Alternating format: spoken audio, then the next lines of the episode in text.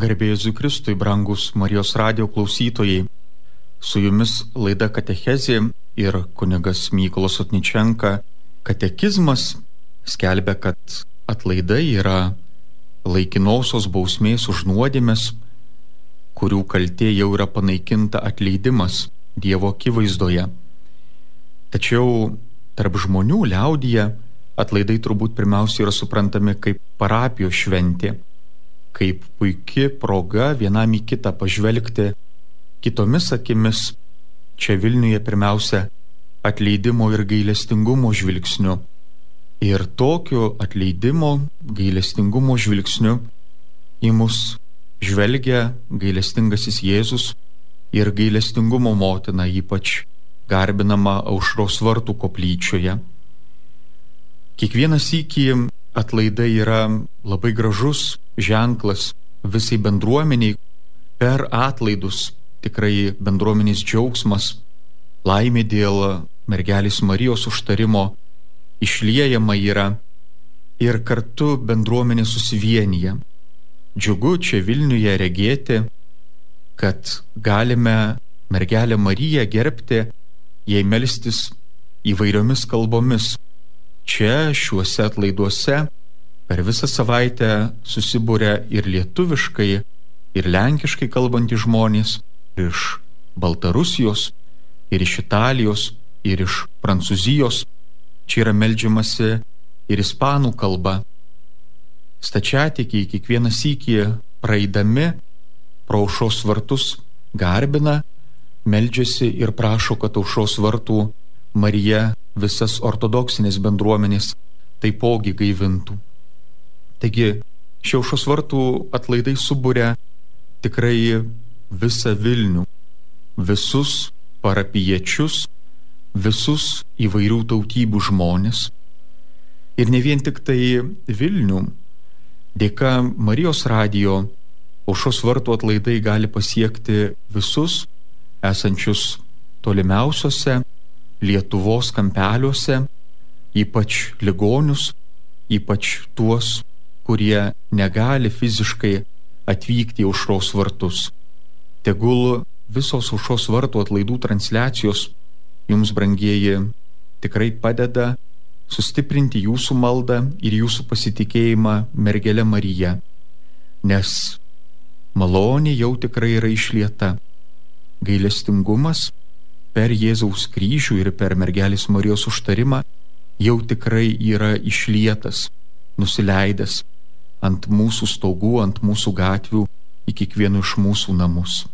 Čia Vilniuje gailestingumo kultas tikrai yra ypač garbinamas, ypač gerbiamas ir tikrai gal kyla kartais klausimas, kodėl būtent Vilniuje ir gailestingasis Jėzus, kodėl Vilniuje ir gailestingumo motina, galbūt mūsų tauta, galbūt mūsų miestas yra labiausiai reikalingi pasigailėjimo.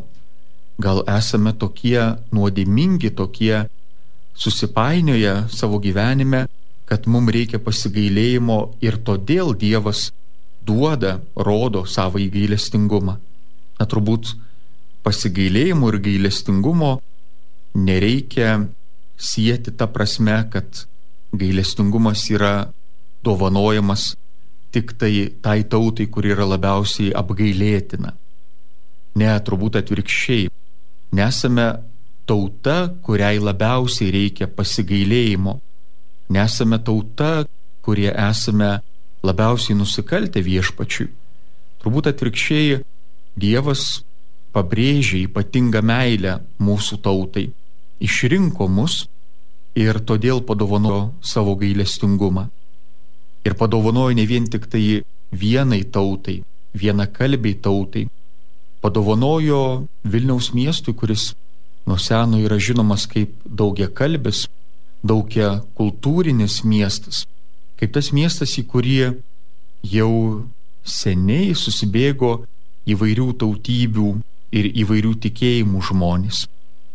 Per mus, per mūsų įvairiapusiškumą viešpats padovanojo savo įgailestingumą ir Vilniui, ir Lietuvai, ir visam pasauliui, visų laikų ir visų tautų žmogui.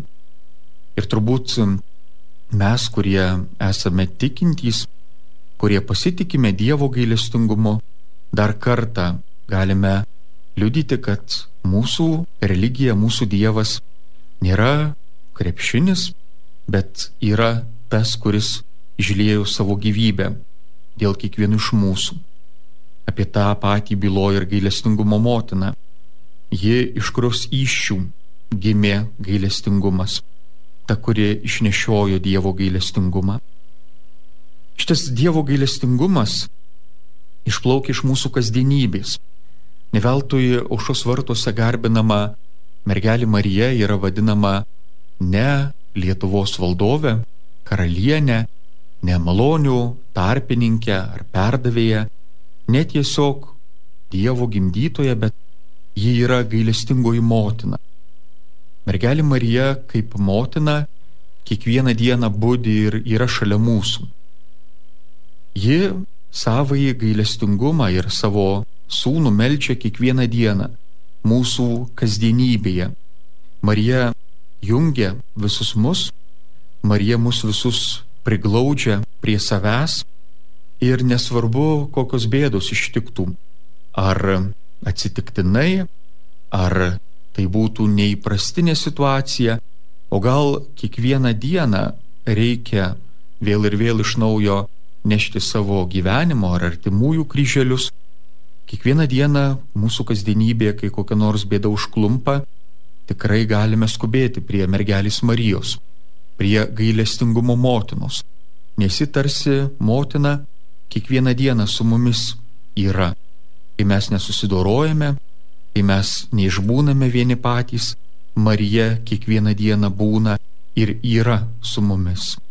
Iš tiesų, jeigu skaitysime visą šventąjį raštą, jeigu žvelgsime į Marijos gyvenimą per Naujojo testamento žvilgsnį, kartais gali atrodyti, kad Marija te buvo vien tik tai tokia pasyvi vykdytoja, Dievo valius vykdytoja paklusni tarnaitė, kuri vien tik tai patarnavo, šeimininkavo, pakluso, nesėmė jokių iniciatyvų.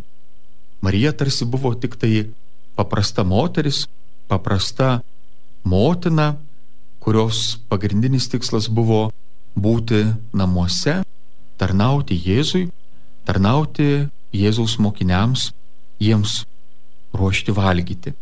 Na, kartais gali būti toks žvilgsnis ir tuomet atrodo, kad visos tikinčios moterys turi būti pasyvios, turi būti tarsi motinos, kurios įsiklauso, išgirsta, išpildo, bet nieko daugiau nedaro, nesijima jokios iniciatyvos. Iš tiesų, atrodo, kad kiekvieną kartą, kai mėginame suprasti, ką Dievas man nori pasakyti, reikia pirmiausia išgirsti jį, išgirsti jo balsą, išklausyti tai, ką Dievas sako. Ir Dievo ateimas, paties Dievo ateimas į išrinktąją tautą buvo ganėtinai sudėtingas, nes Izraelio tauta anuomet nebuvo pasiruošusi išgirsti Dievo kitokio kitaip ateinančio, negu buvo tikėtasi. Ir būtent Marija, kuri atrodo kaip nieko pernelyg daug nenuveikusi, vien tik tai vykdžiusi Dievo valią, vien tik tai pasyviai jį ją vykdžiusi, būtent Marija nors ir užaugusi Izraelio tradicijoje, ji dėjosi dalykus į savo širdį, ji svarstė juos, apmastė ir svarbiausia išgirdo. Ir tada, kada Marija išgirdo tai, ką Dievas iš tiesų nori pasakyti, Marija suteikė galimybę Dievui ateiti į pasaulį. Ne bet kokiam Dievui, bet tokiam Dievui, kuris nebuvo lauktas. Kitokiam Dievui. Ateiti Dievui tokiam, kurio nėra tauta pasiruošusi priimti. Kartais gal Atrodo, kad Marija buvo tyli, buvo paklusni, viską darė tai, kas buvo liepta, na ir jai turėjo viskas labai lengvai eitis. Jie juk tik vykdė įsakymus. Bet iš tiesų Marija buvo ir tebėra tikra tikėjimo dukra, tikras tikėjimo asmuo, kuris sugeba išgirsti, ką Dievas sako ir sugeba leisti, kad Dievas dažnai kitoks negu įsivaizduojame, dažnai kitoks negu melčiamės, ateitų į gyvenimą, kad Dievo valia tikrai taptų regimybė ir realybė. Šiandien gailestingumo motina kiekvienam iš mūsų irgi rodo ir ragina priimti ateinantį Dievą. Atrodo, kartais reikia būti tik tai klausantiems, tik tai girdintiems, nesversti per galvą, bet pirmiausia suklusti, ką Dievas man nori pasakyti.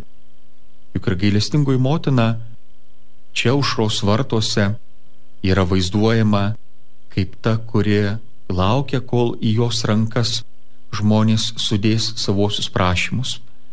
Jos rankos sudėš, sudėtos tarsi supuojant kūdikiui, bet kūdikio nėra, vieta yra tuščia, laisva tam, kad kiekvienas iš mūsų galėtume sudėti savosius prašymus. Ir kartu tai yra ženklas klausytis. Dievas mums kalba, Dievas mums byloja, Dievas mums nori sudėti savo valią per savo, per savo įskubrumą dažnai jo galime neišgirsti. Marija ragina įsiklausyti. Dievas tikrai nori praturtinti mus ir dažnai labai daug energijos išeikvojame, kad padaugintume savo talentus, kad e, taptume uolesni krikščionys, uolesni tikintieji ir rečiau galbūt susimastome, kad dažnai reikia padėti kitam maldoje, padėti kitam, kuris yra šalia manęs. Daug veiksmingiau galime praturtėti, tapti karštesni tikintieji, jeigu padėsime tiems, kurie yra šalia mūsų. Jeigu skleisime talentus tų žmonių, kurie mums yra patikėti yra gražus pasakojimas apie dangų ir pragarą viename socialinėme tinklapyje Karito bendruomenė. Šį pasakojimą iliustravo video sužetu apie dangų ir pragarą.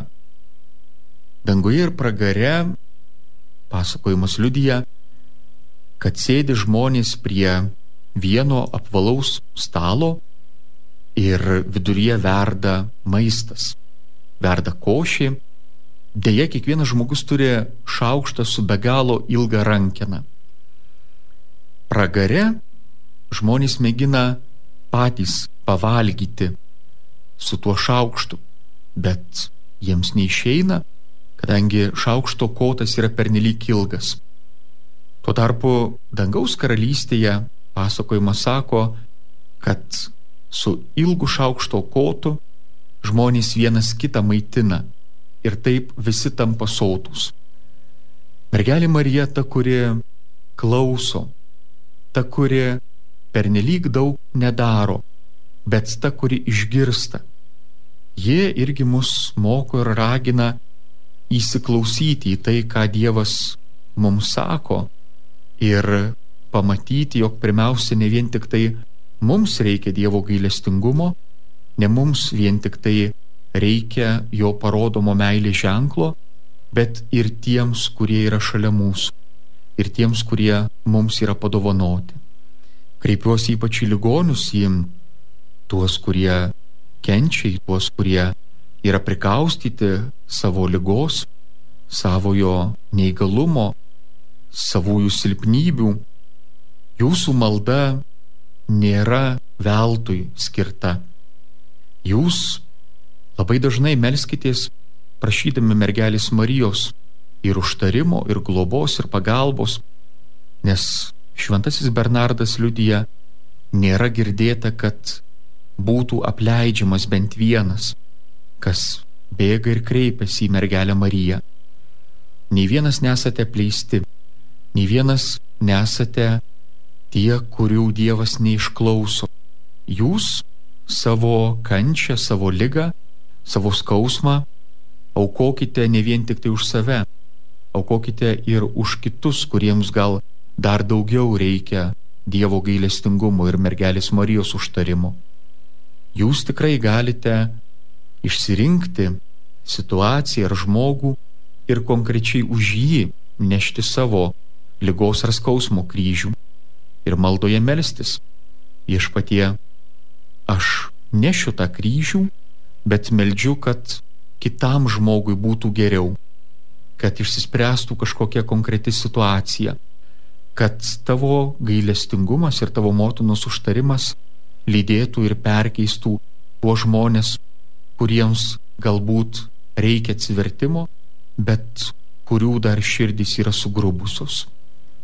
Labai svarbi yra tokia malda ir labai svarbu tikrai patirti, kad mergelė Marija kiekvieną dieną už mus melčiasi, mūsų kasdienybėje melčiasi Marija irgi ėjo ilgą kelią, pilną išmėginimų, išbandymų ir kai jau regis nebebuvo jokios vilties, mergelė Marija patikėjo viltimi. Ji patikėjo, jog Dievui nesame svetimi. Dievas mus išsirinko. Dievas mums rodo savo įgailestingumą. Ir mergelė Marija gimdo viltį ir mūsų tikėjimo keliuose. Marija, patyrusi angelo prieškimą, skuba pas šventą Elžbietą ir ji tikrai skuba pas kiekvieną, kuris nori Dievą priimti savo kasdienėme gyvenime.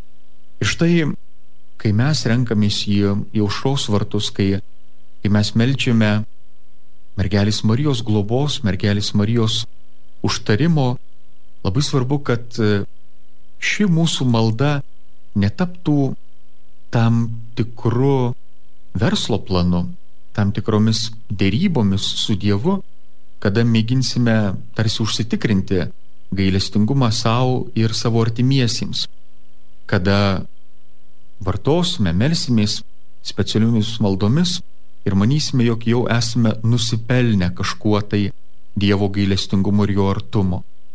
Mes esame tie, kuriems gailestingumas yra dovanojamas veltui. Marija kiekvieną dieną nori už mus melstis Dievui, svarbu, kad būtume jo ištroškę, svarbu, kad į mūsų širdis plauktų malonė, kurios kiekvienas tikrai kiekvieną dieną prašysime. Vilniuje ypač yra išsiliejęs Dievo ir mergelės Marijos gailestingumas per Vilnių tas gailestingumas trokšta pasiekti kiekvieną iš mūsų. Prie mikrofono kunigas Mykolas Atničenka ir aušos vartų gailestingumo motinos atlaidų dienoje, laidoje Katechezėje, kalbamės apie mergelę Mariją, kuri yra gailestingumo motina. Iš tiesų, daug žmonių, be galo daug žmonių atplūsta čia į Vilnių šiomis atlaidų dienomis daug žmonių, kurie ateina, atvažiuoja, šaukėsi Marijos užtarimo ir kartais gali atrodyti, kad gailestingumo motinos kultas ima užstoti patį Jėzų. Ir regis tuo met Jėzaus dovanojimas gailestingumas tampa tarsi ir nebe toks galingas. Jis atrodo esantis kitoks, Štai sako, jeigu jau jau šios vartus atvyksi, tai tikrai visos maldos bus išklausytos. Turbūt gailestingai Jėzų mūsų tauta nedaug istoriškai laiko atžvilgių te žino, gailestingumo motinos kultas yra kur kas seniau įsivyravęs mūsų aplinkoje. Bet labai gera prisiminti kartu ir sukūrimo pasakojimą tada kada pradžios knygoje Dievas sukuria visą pasaulį, tai pirmąją savo kūrybos dieną Dievas sutveria šviesą. Pirmiausia, atskiria šviesą nuo tamsos. Ir biblistai sako, kad tai yra labai įdomi detalė, kadangi šviesa jau yra, bet šviesulių dar nėra. Šviesuliai buvo sukurti tik tai ketvirtąją dieną. Tik tuomet bus sukurti Saulė ir Mėnulis. Tad kas tuomet šviečia, kai dar nėra jokių šviesulių? Na, atsakymas tikrai ne Marija. Prisimename Jėzaus prisikėlimo pasakojimą ir Evangelija skamba taip. Pirmąją savaitės dieną, labai anksti, dar neišaušus, atėjo moterys prie kapo ir rado prisikėlusi Jėzų. Taigi Jėzus, kuris prisikelia pirmąją dieną, yra tas šviesulys, kuris suteikia visam pasauliu šviesą. Per Jėzaus prisikėlimą buvo atbaigtas pasaulio kūrimas, pasaulio kūrimo pasakojimas. Ir štai mergelė Marija yra labai gražu, kad ji gali būti vadinama kaip gailestingumo aušra, aušros vartai. Marija yra ta, kuri parodė kelią į Jėzų, parodė kelią į Jėzaus gailestingumą. Taigi Marija ir Jėzus - du gailestingumo kultai, kurie eina kartu ir čia Vilniuje labai gražiai vienas kitą papildo ir neprieštarauja vienas kitam. Tada išganimo užroje prieš daugiau negu 2000 metų Dievas pasibeldė į mergelės Marijos širdį. Mergelė Marija leido tokiam Dievui, kurio tauta nelaukė įsikūnyti, tapti žmogumi, ateiti mūsų gelbėti ir išvaduoti. Po dviejų tūkstančių metų Dievas dar kartą norėjo priminti žmonijai savo įgailestingumą, todėl pasirinko Vilnių ir įkvėpė per vizijas šventai seseriai Faustinai troškimą, kad būtų nutapytas gailestingojo Jėzaus paveikslas. Faustinos dienoraštyje skaitome, kad aušros vartuose buvo iškeltas gailestingojo Jėzaus atvaizdas ir jį matė viziją tamsos tinklais apraizgytą mūsų miestą, tuomet pakilusi Jėzaus ranka nubrėžė virš Vilniaus didelį kryžių ir sutraukė visus tinklus. Taigi Dievas per savąjį gailestingumą sutrauko visus tinklus, blogio tinklus ir mums rodo, kad tas gailestingumas tikrai yra veltui dovanojamas. Marija, gailestingumo motina, atėjo kaip aušra, tačiau aušra niekuomet neapšviečia pasaulio. Tik tai Dievas, tik tai Jėzus, tik tai jo gailestingumas mums parodė tikrąją šviesą, mums atskleidė tikrąją palaimą. Todėl čia Vilniuje gailestingumo motina tikrai gali būti garbinama, gerbiama tik tai savo ryšyje su savoju sūnumi. Nepaisant to, kad Marija ant rankų nesupuoja kūdikio Jėzaus čia užšos vartuose, tačiau kultas jai, malda jai gali būti skirta tik per Jėzaus širdį. Tik drauge atsiliepiant į tai, kad Marija visą laiką mums rodo Jėzų. Tradiciškai Dievas yra suvokiamas ir vaizduojamas toks kaip vyrai. Tėvas ar sūnus, na net ir šventoji dvasia, kuri atrodo švelnina vyrišką dievą, jį vaizduojama irgi ne kaip balandė, bet kaip balandis, irgi kaip vyriškos lyties asmuo. Ir Dievas, būdamas tėvas ir vaizduojamas kaip vyras, turbūt natūraliai mums yra siejamas su griežtu, santūriu vyru. Mergelė Marija, būdama motina, ji tarsi švelnesnė, tarsi ta, prie kurios lengviau prieiti ir jai išsakyti savosius prašymus. Vis dėlto Marijai skirti prašymai nėra kuo nors didesni ar kitokie negu tie prašymai, kuriuos skiriame Dievui. Per Mariją į Jėzų. Marija yra toji tarpininkė, kuri ne vien tik tai atiduoda prašymus Dievui, nieko savo nepasilieka, bet ir ta, kuri drauge su mumis melžiasi Dievui. Ta, kuri drauge su mumis irgi rodo į Dievą, bet niekuomet ne į save. Taigi, kai melžiamės, taigi, kai prašome Marijos užtarimo ir pagalbos, pirmiausia kreipiamės į jos sūnų, į Jėzų Kristų.